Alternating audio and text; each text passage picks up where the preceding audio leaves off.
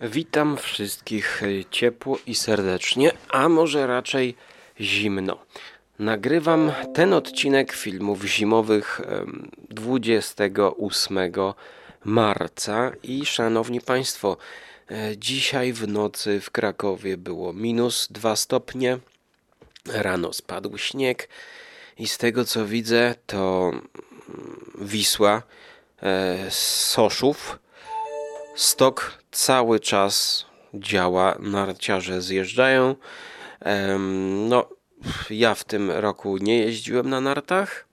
E, teraz troszkę jestem zakatarzony i szukałem jakiegoś głównego dania. Mm, zbierałem się do tego odcinka e, sporo. Mm, filmy są, kolejka jest. Część jeszcze nie skończyłem oglądać i postanowiłem e, w wyniku tego śniegu, który dzisiaj rano zobaczyłem, jednak nagrać taki krótszy odcinek. Odcinek nazwijmy to bez pełnego dania, dlatego też, że troszkę się odchudzam, więc e, niech to będzie takie nawiązanie. I będzie trochę mniejszych produkcji, i w ogóle będzie też mniej śniegu w tych filmach.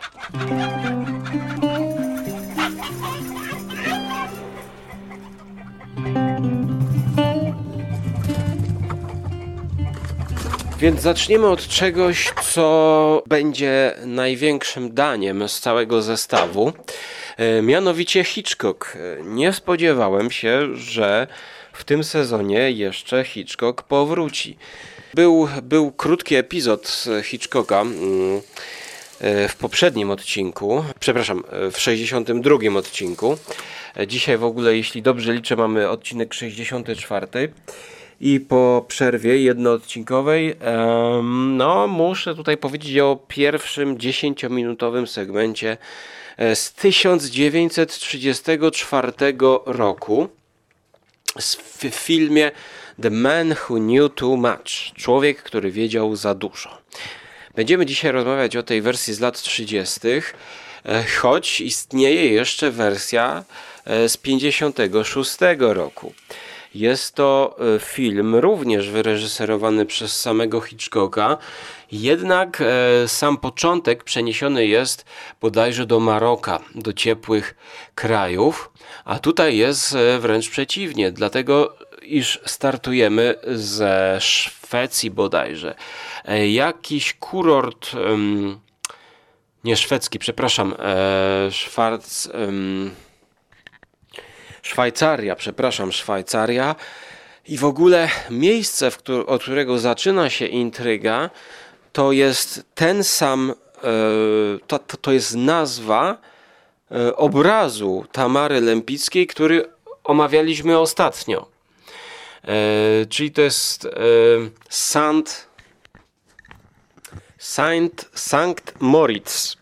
E, to również nazwa e, tego e, obrazu i miejscowość kurortu w Szwajcarii. Właściwie jest to cała gmina uzdrowiskowa w południowo-wschodniej Szwajcarii.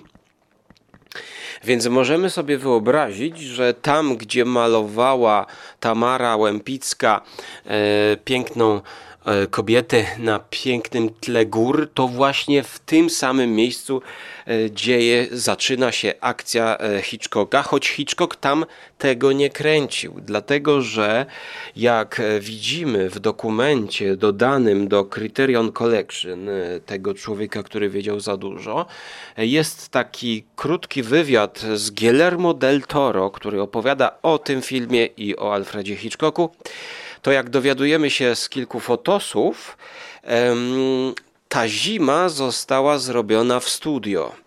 E, ta zima, czyli mamy panoramę, sztuczną panoramę, nasypany jakiś sztuczny śnieg, puch, wata, coś takiego i akcja kręcona jest tak, aby było złudzenie tego e, miejsca, choć trzeba przyznać, że e, zaczyna się to dosyć majestatycznie. Zaczyna się to od, no majestatycznie, tak jak teraz dokładnie, no z, dopiero co było słońce i teraz znowu śnieg pada mi za oknem.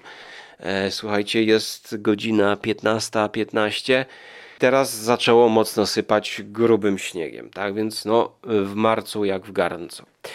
E, zaczynamy od wypadku jakiegoś człowieka, który skacze na nartach, na skoczni narciarskiej. Ludzie zbiegają się do niego, podbiegają do niego, pytają, czy wszystko z nim w porządku, i już w tej gromadzie poznajemy e, bohaterów, z którymi będziemy szli przez cały film pojawia się czarny charakter, Peter Lorre. No to nie jest spoiler, bo Peter Lorre to zawsze e, raczej czarny charakter. E, choć tutaj jeszcze jest Milusiński. E, pojawia się para głównych bohaterów, czyli małżeństwo. W tym przypadku, jak to powiedział Guillermo del Toro, Leslie Banksa i Edna Best. Edna Best, aktorka, jak to powiedział Guillermo, jest to aktorka, która świetnie łączy e, kino nieme z kinem dźwiękowym. Jeśli chodzi o, o taki swój vibe, jeśli chodzi o to, co prezentuje na ekranie. Zresztą przecież Hitchcock dopiero co kręcił e, filmy nieme. E, aktorka mm, zaczynała również w kinie niemym i tutaj gra matkę, matkę, córeczkę też mamy, którzy są właśnie na wyjeździe takim narciarskim, wypoczynkowym. E, ten narciarz, który skacze, który rozbija się, to jest to jakiś ich znajomy bodajże, albo też do końca nie wiem, czy to jest ich znajomy, czy oni tam wszyscy się poznają, bo balują, świętują e, i mają okazję poznać jakiegoś takiego człowieka zanim wejdziemy jeszcze na ten bal, to y, mamy scenę nie polowania na kaczki, ale takiego zawodu sportowego. Scena, ja nie wiem jak się to dokładnie profesjonalnie nazywa, ale chodzi o taką maszynę, która wyrzuca krążki w powietrze i ty za pomocą strzelby musisz trafić. Na przykład coś takiego było w filmie o tej księżnej Dianie, e, która była grana przez tą mm, Kristen Stewart. Scena polowania, tam też ćwiczyli na kaczki. To, to, to nie są prawdziwe kaczki, w które strzelają, tylko takie krążki, które się rozpadają, ale my, myśliwi w ten sposób trenują celowanie do ptaków. I okazuje się, że ta matka świetnie strzela mm, i wygrywa chyba ten konkurs, jak pamiętam.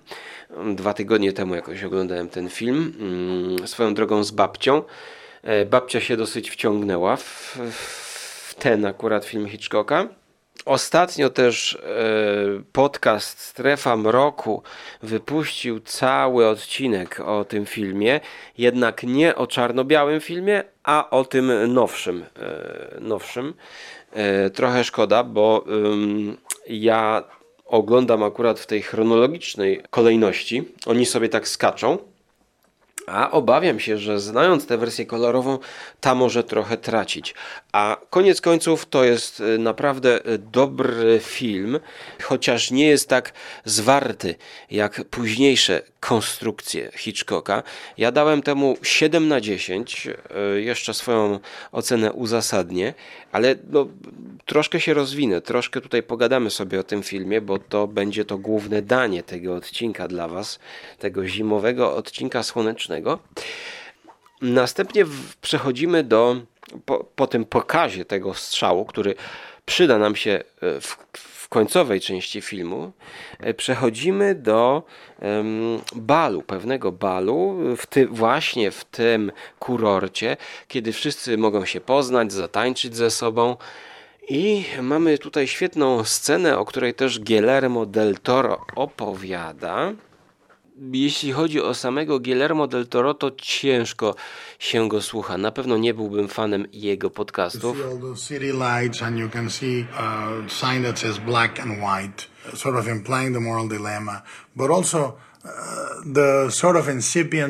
Aspect of this larger than life no, powiem wam, że recurrent Hitchcock motifs.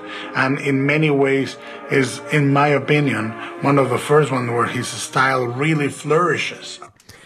Ciężko mi zrozumieć tą jego dykcję, ta, ta, nie, ciężko mi się w to wkręcić, ale Guillermo jest wielkim fanem Hitchcocka i szczególnie pragnie on zwrócić naszą uwagę na ten brytyjski e, okres jego twórczości, ten wcześniejszy okres, który bardziej skupia się na detalach według Guillermo.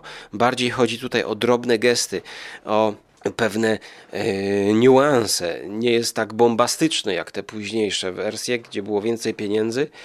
I właśnie tutaj mamy scenę balu, za oknem śnieg, a wszyscy piją, tańczą i w pewnym momencie główny bohater przypina e, taką nie nitkę, tylko włóczkę. Włóczkę do garnituru tego tańczącego właśnie chyba skoczka, który też jest jakąś ważną osobowością, osobistością. I oni jak tańczą y, i co dodatkowo jeszcze, to on tańczy z, z tą żoną tego głównego bohatera. I ta wstążka, ta włóczka zawija się przez całą salę pomiędzy różnymi tancerzami i w pewnym momencie jest ona napięta. I potem się urywa, przerywa się ta włóczka. I tutaj Guillermo del Toro mówi odnośnie dużej części Hitchcocka twórczości, że Hitchcock to był reżyser, który zrozumiał, jak cienka granica oddziela nas od śmierci i od różnego rodzaju tragedii, wpadek. E, jak mówi Guillermo, wystarczy być źle rozpoznany, pomylony, podobnym do kogoś, tak jak w filmie The Wrong Man Hitchcocka z lat 50. i będziemy mieli przerąbane, będziemy prześladowani przez, yy, przez, przez państwo, przez policję której notabene Hitchcock e, obawiał się policji w wielu e, wizytach w, w, w, programach telewizyjnych. Hitchcock właśnie opowiada, że on, on ma e, lęk przed, przed policjantami. No, wiadomo, jak to Hitchcock też opowiada, trochę się śmieje, czy to żartuje, czy to jest pół, pół żartem, pół serio. Do końca ciężko jest go rozgryźć, nawet jak go słuchamy. Tutaj właśnie w tym momencie następuje strzał snajpera przez okno, który trafia tę tańczącą postać. Włóczka się zrywa i również człowiek umiera ta mm, metafora ludzkiego życia jako nici, która się przerywa, tutaj e, pięknie wybrzmiewa. Ciekawe, że sam Guillermo del Toro, który e, wydaje się lubić takie no, wielkie, e, wypaśne, horrorowe produkcje, zachwyca się Hitchcockiem. No ale iluż tu, iluż tu twórców kina nie zachwyca się Hitchcockiem? To chyba oczywiste. Na tym wydaniu Criterion Collection też jest wywiad z Hitchcockiem, y, jeszcze są wywiady z Trifo, y, tego jeszcze nie obejrzałem, y, ale powiem wam, jeszcze dokończę ten, ten zimowy wstęp, żebyście wiedzieli dokąd zmierza akcja i o czym jest ten film. Kiedy ta postać umiera, to daje głównemu bohaterowi, no i również jego żonie, daje papierek z jakąś informacją, że to jest e, chyba jakaś osoba w tym i w tym miejscu, jakaś taka wiadomość. Wiadomość zupełnie niezrozumiała. E, taki typowy McGuffin. I umiera ten człowiek. Więc mamy tego człowieka, który wiedział za dużo. To jest główny bohater, który wie za dużo jego żona. On próbuje ukryć, że wie te, że, że zna tą informację. E, wymyka się, wymyka się jakoś e, e, pobocznie i spala tę kartkę w kominku.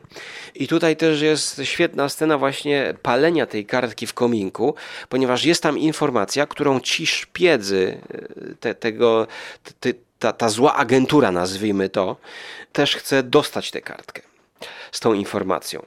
Oczywiście na pewno mm, chodzi o bezpieczeństwo państwa brytyjskiego, ale na, tym stan, na ten stan my nie wiemy o co chodzi. Nie wiemy po co miała być ta informacja. Zapewne ta informacja uratuje życie ludziom, ale co będzie w przyszłości, tego jeszcze nie wiemy na stan yy, początku i ekspozycji filmu. Tylko wiemy, że w międzyczasie porwano e, córkę głównych bohaterów właśnie. E, jedno krótkie sprostowanie. E, ten, umier- ten trafiony człowiek nie daje żadnej kartki podczas jakby umierania, tylko mówi do głównego bohatera pokój ten i ten, pędzel do golenia więc daje taką enigmatyczną wskazówkę i dopiero główny bohater idzie do tego pokoju, bierze ten pędzel do golenia, sprawdza go, okazuje się, że można go rozkręcić i w środku w tym pędzlu jest e, informacja na karteczce, którą on czyta i spala. Natomiast do tego pokoju już wchodzą ludzie, personel, wszyscy właściwie i widzą, że on coś stamtąd zabrał. W międzyczasie najprawdopodobniej e, następuje porwanie córki i później, cały czas w tym hotelu, kurier przychodzi do głównego bohatera i podaje mu wiadomość na karteczce. E, na karteczce jest e, napisana groźba, że nie mówcie nikomu, co znaleźliście, albo wasza córka, nigdy nie zobaczycie waszej córki.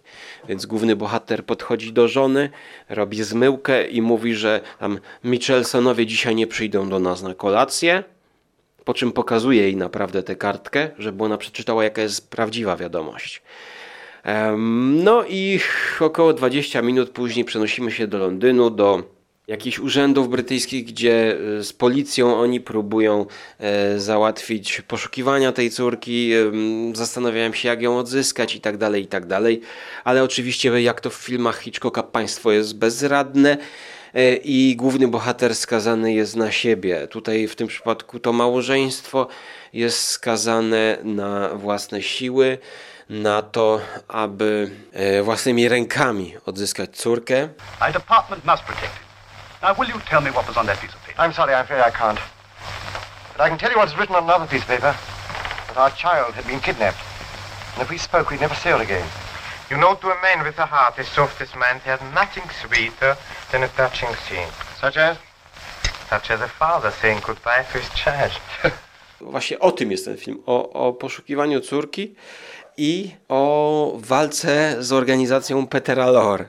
Film składa się z wielu bardzo takich mikroscenek właśnie, mikro napięć powiedziałbym, jak chociażby w tej scenie przekazy uciek uciekania z tą kartką do kominka.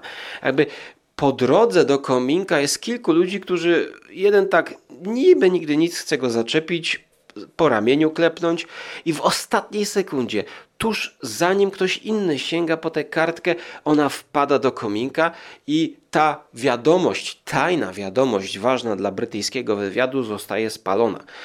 Ta wiadomość jest tylko w głowie głównego bohatera. On ją będzie jakoś próbował wykorzystywać, aby utrzymać się przy życiu i aby uratować córkę. Całość zmierza do, jak to często u Hitchcocka, wejścia na wyższy poziom, wyższy level, czyli budynek. Budynek, który potem będzie oblężony, w którym mieszkają złoczyńcy, w którym złoczyńca, jak to często u Hitchcocka właśnie będzie uciekał na dach, czy to na Statuę Wolności, czy to na górę Mount Rushmore.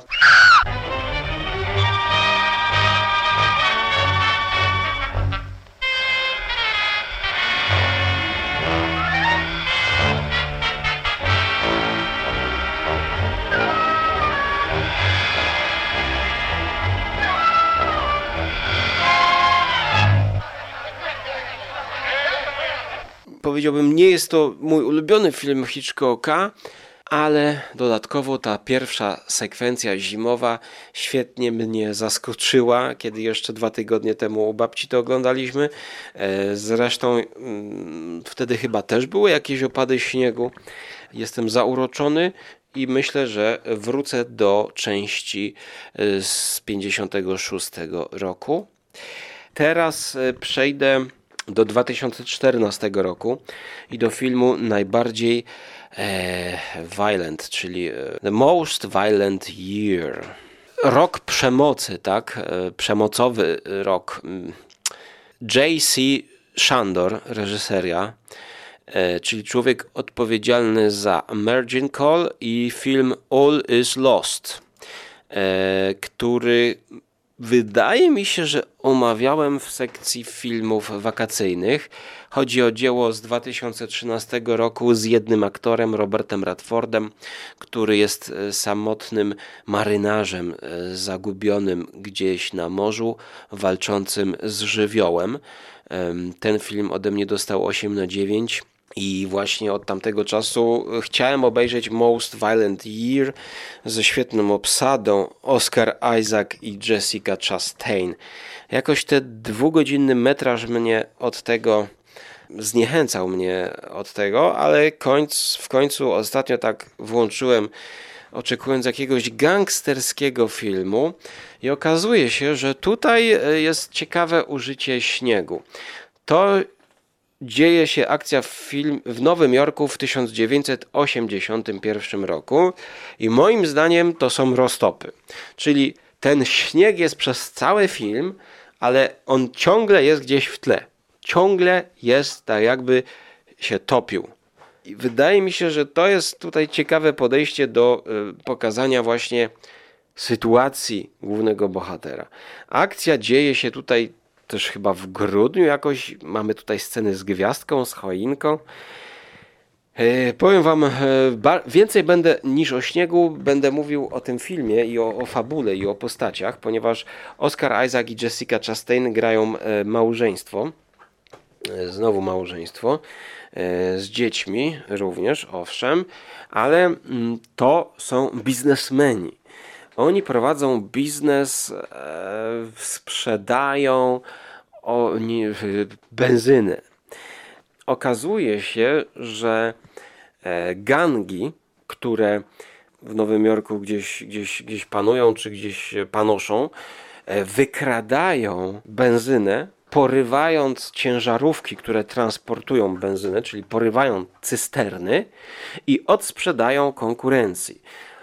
Najprawdopodobniej są to jacyś, no nie wiem, wyglądają jak jacyś Meksykańcy, którzy e, są takimi wolnymi strzelcami. Do końca nie wiemy, czy jest to e, gangsterka zorganizowana, czy jest to jakaś większa, e, większa grupa terrorystyczna, czy są to właśnie wolni strzelcy, którzy nie wiem, w grupkach dwóch, trzech osobowych y, zrobią taką pułapkę na cysternę, no i w tej cysternie jest bardzo dużo e, paliwa, oni to sprzedadzą konkurencji i zarabiają pieniądze. A główny bohater, no traci na tym, ale próbuje, y, że tak powiem, zachować e, no nie wiem czy twarz, ale jakieś zasady. Zasady e, dobrego biznesu. Zna cały rynek, więc zna również swoją konkurencję, zna ludzi, którzy stoją za e, największymi firmami, e, spotyka się z nimi, no ale nikt tam nie przyznaje się, że to, żeby zlecił komuś e, taką konkurencję nie fair, powiedzmy tak. No i ten główny bohater, Oscar Isaac, wylicza straty. On wynajmuje mm, firmę dostawczą, transportową i znowu tutaj, to, to, to jest film o biznesie ogólnie rzecz biorąc, moim zdaniem, i o rozwijającym się biznesie w, w Ameryce właśnie. Właściciel znowu tej firmy transportowej przychodzi do Oscara i mówi mu, że musimy wyposażyć naszych kierowców w broń. Ponieważ oni się boją wyjechać z tą, z tą dostawą, z pakunkiem. No a Oskar mówi, że nie może dać im broni, ponieważ wtedy będzie oskarżony przez e, e, no, władzę, będzie to, że, że on zaatakował, on się tego obawia. E, nie wiem dokładnie, jak wyglądało prawo w tamtym czasie, jeśli chodzi właśnie o posiadanie broni do obrony własnej. Tutaj jest sytuacja taka, że ewidentnie im by się to przydało, ponieważ na przykład scena, w której ciężarówka zostaje zostaje jej zagrodzona droga na autostradzie, no nie ma wyjścia, no tam policja nie ma szans y, pomóc. Więc wystarczy po prostu jeden pistolet, który rozwiązałby sytuację dla tej danej ciężarówki. Gdyby fama rozeszła się, że oni są uzbrojeni, to już gangsterom nie byłoby tak łatwo. No, ale Oscar Isaac nie chce tutaj ryzykować jakoś prawnie, żeby oni mieli e, pistolety. E, więc wypuszcza kolejną ciężarówkę. Ta kolejna ciężarówka zostaje napadnięta i ten um, Meksykaniec, też Meksykaniec jest kierowcą bodajże, yy, musi się sam bronić. E, okazuje się, że ma swój jakiś nielegalny pistolet chyba, e, strzela, jednego e, napastnika e, załatwia, ale ucieka musi uciekać, bo ktoś go goni, potem musi uciekać chyba przed policją. I tutaj mamy już pierwszą scenę e, ucieczki, pościgu. E, to jest film trochę właśnie taki gangsterski e, z lekkimi elementami akcji. I tutaj mamy ten napad na ciężarówkę, to jest dobra, dobra pierwsza scena. I druga scena to jest taka, że Oscar Isaac bierze sprawę w swoje ręce. I understand you and your men have a job to do here, but we're in the middle of a 10-year-old's birthday party. I'm sorry, but we are coming in. That's not a problem. We have nothing to hide from you. My husband is a good man. Don't mistake his honesty for weakness. He deserves respect. This was very disrespectful. Wyobraźcie sobie, no, wraca do domu. Jest taka scena, jak on jedzie normalnie, prowadzi swój samochód, e, wraca do domu, taki osobowy samochód i nagle patrzy, widzi swoją ciężarówkę. Swoją ciężarówkę, o której wie, że nie powinno jej tu być w tym miejscu, tak? No bo zna rozkład swoich pracowników, gdzie dane paliwo jedzie. Ma też e, w tym samochodzie swoim radiostację, więc jakby wiedział, że właśnie ktoś ma problemy na autostradzie, tak? Więc on bierze sprawy w swoje ręce, akurat natknął się na nim i zaczyna śledzić ją. Więc mamy pościg e, tego Oscara Isaaca za cysterną pełną paliwa. Jest to no, świetna scena pościgu samochodowego, wspaniała po prostu, w której e, taką kulminacją jest wjazd do ciemnego tunelu, e, gdzie nasz e, protagonista e, prowadzi po ciemku prawie że, ale tamten uciekinier z cysterną też prowadzi po ciemku, a tam jest o wiele trudniej kierować takim bolidem wielkim. I po wyjeździe z tego tunelu on się przewraca.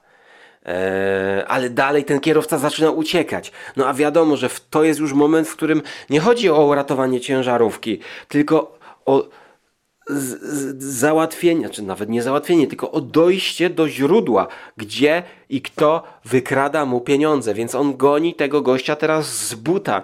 Goni go, żeby do niego dojść, potrząsnąć nim i powiedzieć, kim ty jesteś, kto cię wynajął. Prawda? Bo o to nam chodzi, żebyśmy wiedzieli, kto go wynajął. No i właśnie okazuje się, że to są tacy wolni strzelcy, ale sprzedają gdzieś to paliwo i ktoś to paliwo kupuje.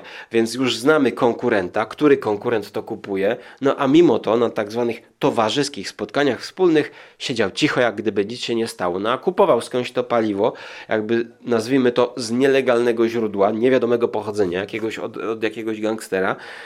No a jako, że to paliwo było znaczone, no to już główny bohater ma na to e, wszystko haki.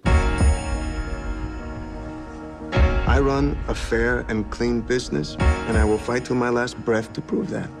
These are dangerous times and we have to adapt.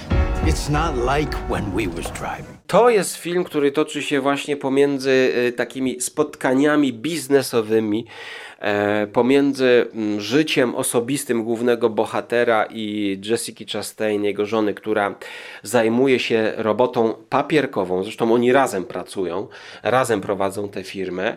E, różne charaktery mają trochę. Jeszcze do tego dzieci. W pewnym momencie do domu, e, kiedy mamy imprezę urodzinową dla córeczki, przychodzi policja, żeby przeszukać cały dom, ponieważ państwo szuka haków na niego. On jest cały czas o coś podejrzewany. Niesłusznie. On próbuje, że tak powiem, zrobić e, Make America Bigger, ale no jakby system mu na to nie pozwala. Jest to film bardzo ciekawy. E, jest to film, który ja bym polecił mm, miłośnikom kina z lat 70. Nie francuski łącznik, miałem trochę takie skojarzenia, z, jeśli chodzi o ten pościg. E, film z przesłaniem, powiedzmy, ponieważ to, co zrobił, znaczy to, co zrobił, pytanie właśnie, czy główny bohater jest winny i co jest winne temu, że ci współpracownicy z którymi on pracował, y, że oni ucierpieli. Co oni stracili? Co stracili ci ludzie, których on wynajmował? Co zyskał on? Jaka jest cena za sukces w biznesie? Najlepsze w tym filmie jest to, że ten film mm, nie, nie, nie daje prostych odpowiedzi. Ten film zadaje pytania, nie opowiada się po stronie, nie wiem, tych, którzy mają kapitał, nie opowiada się po stronie e, tych, powiedzmy, którzy są pracownikami, e, tylko pokazuje różne, różne strony. Aczkolwiek, no też ta, ta ostatnia scena też ze śniegiem i z krwią, aczkolwiek tutaj może bardziej szokująca jest jest ten olej, który wylewa się, nie, nie, chcę spoilerować, ale pod koniec jest tam taka scena e, samobójstwa pewnego i kula rykoszetem e, niszczy zbiornik z paliwem i, i to paliwo wycieka na, na śnieg i, i taka czarna ropa e, po prostu jest właśnie symbolem tych wszystkich pracowników, tych, tych, tych wszystkich ludzi, którzy e, ucierpieli na tym no, no, też nie mogę powiedzieć procederze, bo e, Oscar Isaac nic złego nie robił i nie chciał robić. Po prostu to jest chyba cena i koszt rozwoju cywilizacji. I o tym też jest ten, ten film. Pokazuje właśnie rozwijający się rynek, potrzebne jest coraz więcej paliwa i tak dalej, i tak dalej. No a ten śnieg. Wiele razy się zastanawiałem, dlaczego jest ten śnieg tutaj ten śnieg, myślę, tutaj jest właśnie nadzieją na to, że ta zima odchodzi powoli i że to wszystko się będzie bardziej cywilizować. Choć są też takie sceny, jak muszą wyrzucić jednego pracownika, ujęcie z lotu ptaka, e, dwa samochody, coś rodem z Fargo prawie, że resztki śniegu właśnie i widzimy samotne postaci e, z daleka. Ludzie, którzy są samotni, którzy są e, odrzuceni, e, którzy są wyautowani. Mm, no i zima mm, też świetnie służy, aby podkreślić tę te, te, te wrogość biznesu, powiedzmy, no ale to, to jest już to jest za dużo powiedziane bo tutaj znowu też prawda i, i racje są po obu stronach. No, Oscar Isaac nie zgodził się na pistolet, yy, a tamten skądś go wziął. E, być może sam chciał się bronić, albo być może jego pracodawca mu dał w razie czego, żeby jego obronić. To też jest, to też jest ciekawy wątek. Ale tak jak mówię, jest to dobry film na roztopy. E, ja wystawiłem ocenę 6 na 10. E, coś dla miłośników Jessica Chastain i Oscara Isaaca, którzy e, ostatnio wystąpili w serialu e, będącym remakiem scen z życia małżeńskiego na podstawie Bergmana.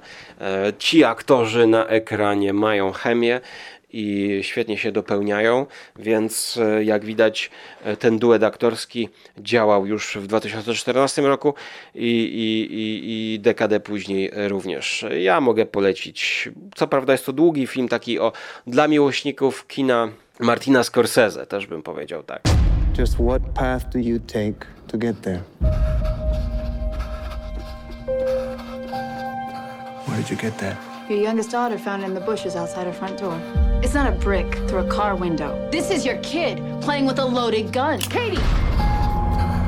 The DA's coming down with 14 count indictment. We've just pushed it a little too far. Dobra, e, kończę, kończę ten segment i przechodzimy do e, następnego filmu, właściwie przedostatniego, o którym będę dukał, e, będzie kiepsko. To, to będzie kiepska, kiepska wstawka. Okej, okay, bo oho, co tu się dzieje? Mm, miałem mówić właśnie, że opowiadanie o kolejnym filmie będzie trochę dla mnie przeżyciem surrealistycznym, e, ponieważ za bardzo nie wiem o czym mam mówić mm, i wyszedłem, wyszedłem do toalety wróciłem i to, co się dzieje za oknem, to mam wrażenie, czy, przepraszam, czy jest grudzień? Nagle y, wszystkie trawniki, jak patrzę z okna, są białe. Zamieć przyszła taka, że ledwo co widzę blok naprzeciwko. Y, o, Ludzie, ludzie, no teraz jakieś dzieciaki wracają ze szkoły z plecakami i ubrane w kaptury. Nie widzę, żeby ktokolwiek miał jakąś czapkę, żeby przewidział, że będzie taka zawierucha. Na moim aucie, na starym, wysłużonym Matizie jest no, warstwa śnieżku. Jestem zaskoczony. A wybierałem się do lekarza i zastanawiam się, czy e, wyjście w taką porę do lekarza nie będzie e, bardziej, większym narażeniem się na, na utratę zdrowia przy takich powiewach niż e, jakieś lekarstewka, które mi może przepisać ewentualnie. No i podobnie surrealistycznie będzie e, chyba troszkę o filmie Yunhui Ege. E, po angielsku Moonlit Winter. E, czyli e, 2019 rok to południowo-koreański film, e, który swoją światową premierę miał jako film zamykający Międzynarodowy Festiwal Filmowy w Busan. Uwaga, uwaga, streszczenie Zimą matka i jej córka mieszkają same.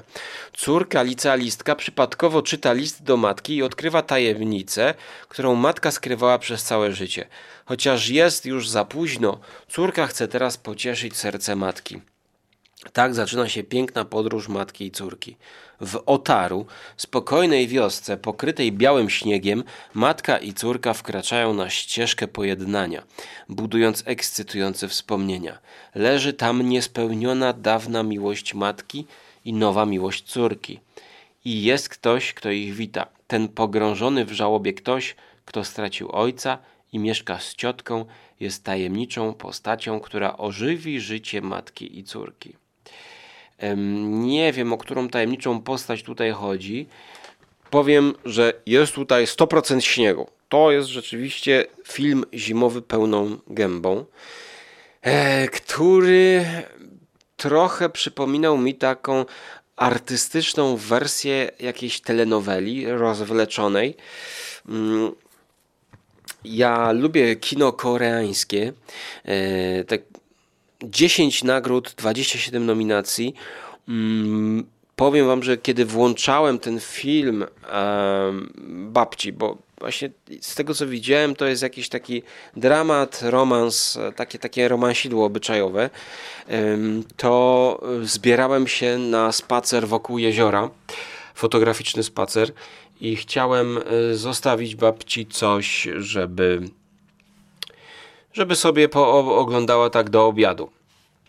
No i przez pierwsze pół godziny ja to oglądałem zbierając się, czyli pakując sprzęt fotograficzny, e, nie wiem, tam kalesony i tak dalej, i tak dalej. Oto mówię nie o Krakowie, tylko poza Krakowem. Mm, na początku się wkręciłem, wkręciłem w ten film, aczkolwiek w ogóle nie zrozumiałem intrygi i właśnie dlatego ciężko mi jest mówić o tym filmie, ponieważ ja mam ten problem z rozpoznawaniem twarzy, a w tym przypadku te wszystkie kobiety tutaj są córkę jako tako byłem w stanie rozpoznać, no bo to wiadomo, taka licealistka, ale ta ciotka, no babcia troszkę starsza czyta science fiction książki w barze gdzieś ją znajdowano. Natomiast y, ta ciotka, jaka jest relacja ciotki do matki, E, czy to ciotka, czy matka ukrywała ten sekret. Okazuje się, że ktoś miał jakieś inne korzenie, to jest ta, tego typu sekret.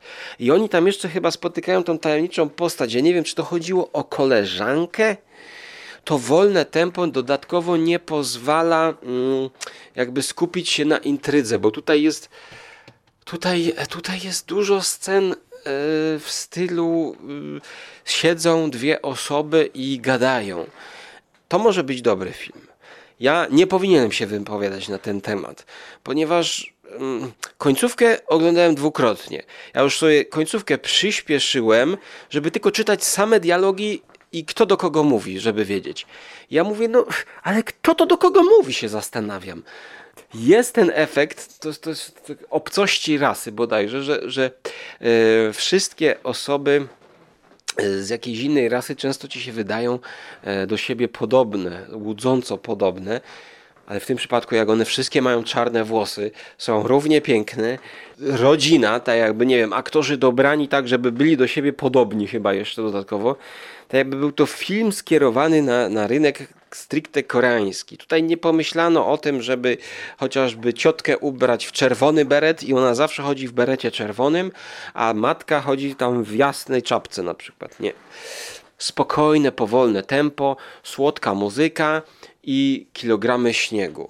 윤희에게 갑자기 너한테 내 소식을 전하고 싶었나 봐.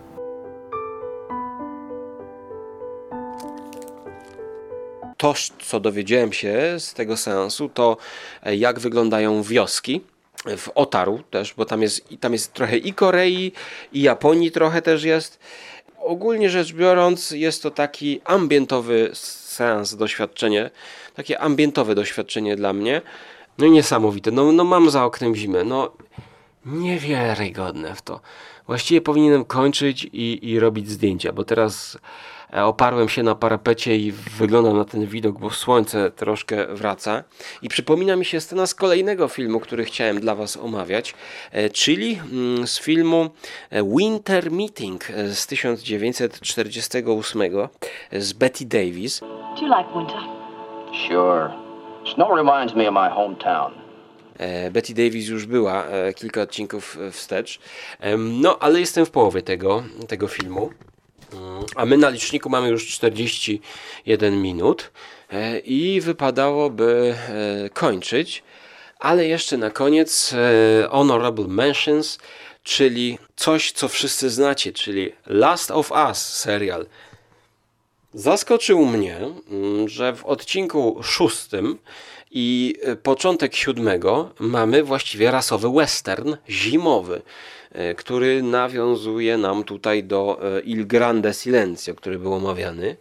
To jest coś, że nagle w tym świecie Last of Us zaczyna, znaczy no, nie nagle zaczyna padać śnieg, tylko no, tam trwa ta podróż głównych bohaterów na koniach, poruszają się na koniach, spotykają jakąś taką grupkę jeźdźców i ta grupka jeźdźców e, prowadzi ich do fortu, fortu, w którym jest e, zaginiony brat tego głównego bohatera.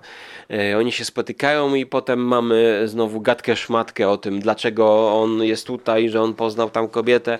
To jest taki gadany, gadany western bardziej. W tym odcinku akcji nie ma za dużo, więc, więc ja bym teraz chciał pojechać na narty, bo no teraz mam y, wszystkie trawniki całkowicie białe.